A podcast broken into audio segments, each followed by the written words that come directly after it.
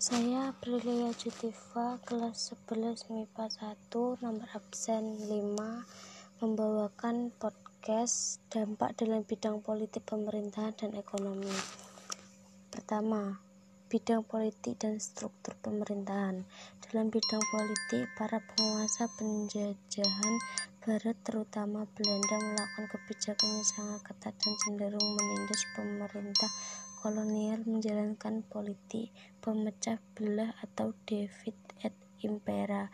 Tidak hanya politik pemecah belah tetapi juga disertai dengan tipu muslihat yang cenderung menghalalkan segala cara sehingga melanggar norma-norma kemanusiaan misalnya pura-pura mengajak perundingan damai tetapi malah ditangkap dalam kurung penangkapan Pangeran Diponegoro pura-pura diajak berunding tetapi malah dibunuh dalam kurung pembunuh Sultan Kairun atau Hairun secara politik martabat rakyat Indonesia jatuh dan menjadi tidak berdaulat. Rakyat Indonesia juga menjadi kelompok masyarakat kelas 3 setelah kelompok orang-orang barat atau penjajah dan kelompok orang-orang timur asing Berangkat dari politik memecah belah dan praktik-praktik tipu muslihat itu, kekuatan kolonial Belanda terus memperluas wilayah kekuasaannya. Penguasa kolonial juga selalu campur tangan dalam pergantian kekuasaan di lingkungan kerajaan atau pemerintahan pribumi. Penguasa-penguasa pribumi atau lokal dan rakyat kemudian menjadi kewalahan dan menjadi bawahan penjajah.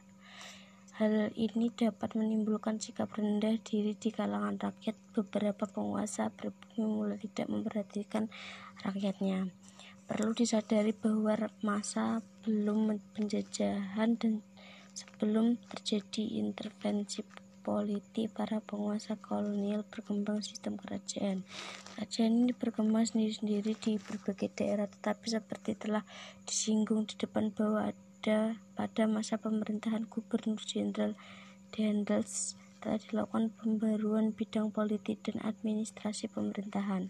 Dendels telah membagi wilayah kekuasaan kolonial Belanda di Indonesia atau India. Belanda Jawa dibagi menjadi sembilan prefektur dan terbagi dalam tiga regenscap kabupaten. Setelah prefektur diangkat seorang pejabat kepala pemerintah yang disebut dengan prefek. Seorang pejabat prefek ini diangkat dari orang Eropa. Kemudian setelah regenscap atau kabupaten dikepalai oleh seorang regen akan dan atau bupati yang berasal dari kaum pribumi. Namun status bupati dapat dengan camat yang disebut priai sepenuhnya menjadi pegawai negeri Binetland Bestur baru terwujud setelah diterapkannya sistem tanam paksa pada pertengahan 50-an. Setelah bupati ini merupakan pengawal pemerintah yang digaji, dengan demikian para bupati ini telah kehilangan hak jabatan yang diwariskan secara turun-temurun. Dalam kurang lihat urian setelah prefek diberikan kekuasaan yang besar dan ditugasi untuk memperketat pengawasan administratif dan keuangan terhadap penguasa pribumi, ruang gerak para penguasa pribumi semakin sempit. Kewibawaan yang berusaha diciptakannya pun menjadi semu. Dalam struktur pemerintahan dikenal adanya pemerintahan tertinggi. Macam pemerintahan pusat sebagai penguasa tertinggi adalah gubernur jenderal. Diangkat pusat ini juga dalam lembaga yang disebut dengan Radvan Indi, tetapi perannya cenderung sebagai dewan penasihat. Dalam pelaksanaan pemerintahan juga dikenal adanya departemen-departemen untuk mengatur pemerintahan secara umum. Beberapa departemen hasil reorganisasi tahun 66 1866 antara lain adalah Departemen Departemen Dalam Negeri, Departemen Pendidikan, Agama dan Kerajinan, Depart Departemen Pekerjaan Umum, Departemen Keuangan, Departemen Urusan Perang, kemudian dibentuk Departemen Kehakiman 1870, Departemen Pertanian 1904 yang disempurnakan menjadi Departemen Pertanian Industri dan Perdagangan 1911.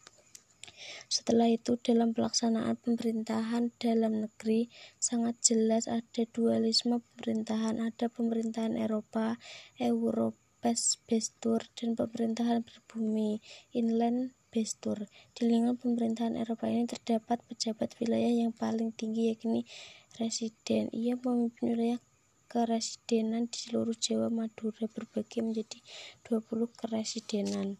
Begitu juga di Sumatera, Kalimantan, Sulawesi, dan pulau-pulau bagian timur juga dibagi dalam wilayah keresidenan keresidenan tetapi jumlahnya relatif kecil.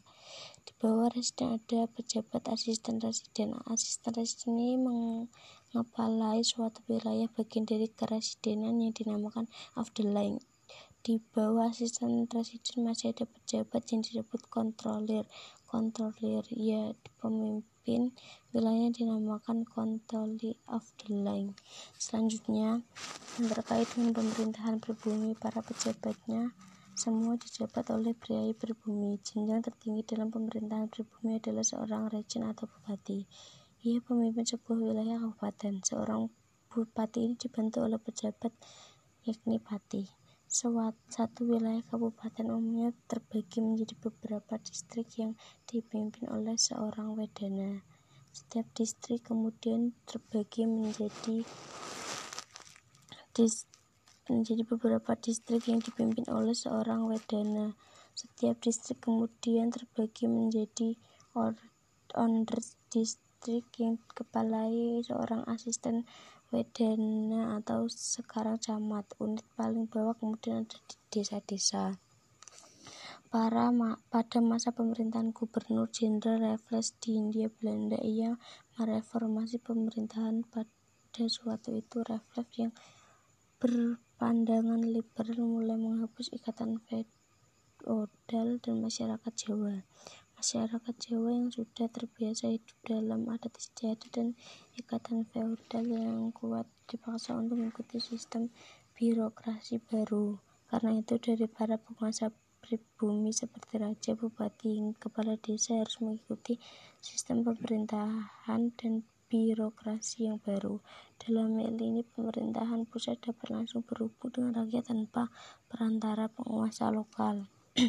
Sebenarnya Pekerjaan sudah diawali oleh Daniels sehingga Raffles tinggal melanjutkan saja. Pembaruan yang dilakukan Raffles juga menyangkut struktur pemerintahan dan peradilan. Pada masa pemerintahan Raffles, bupati sebagai penguasa lokal harus dijauhkan dari otonomi yang menguntungkan diri sendiri. Seorang bupati dianggap menjadi pengawal pemerintah di bawah seorang residen.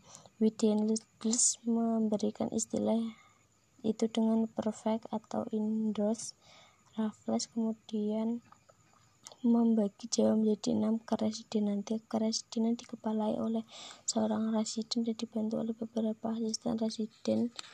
Pembaruan yang dilakukan Raffles ini bertujuan untuk melakukan transformasi sistem pemerintahan Jawa, itu menghentikan sistem tradisional Jawa yang bersifat patrimonial menuju sistem pemerintahan modern yang rasional.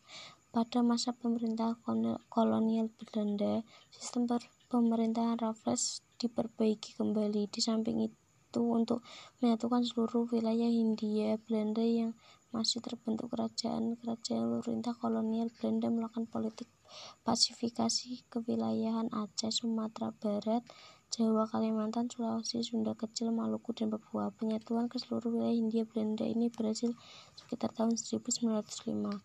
Persatunya Hindia Belanda ini dikenal sebagai Pax Neerlandica. Masa setelah itu, wilayah Hindia Belanda telah stabil di bawah kekuasaan Hindia Belanda. Wilayah inilah setelah proklamasi menjadi wilayah kesatuan Republik Indonesia NKRI.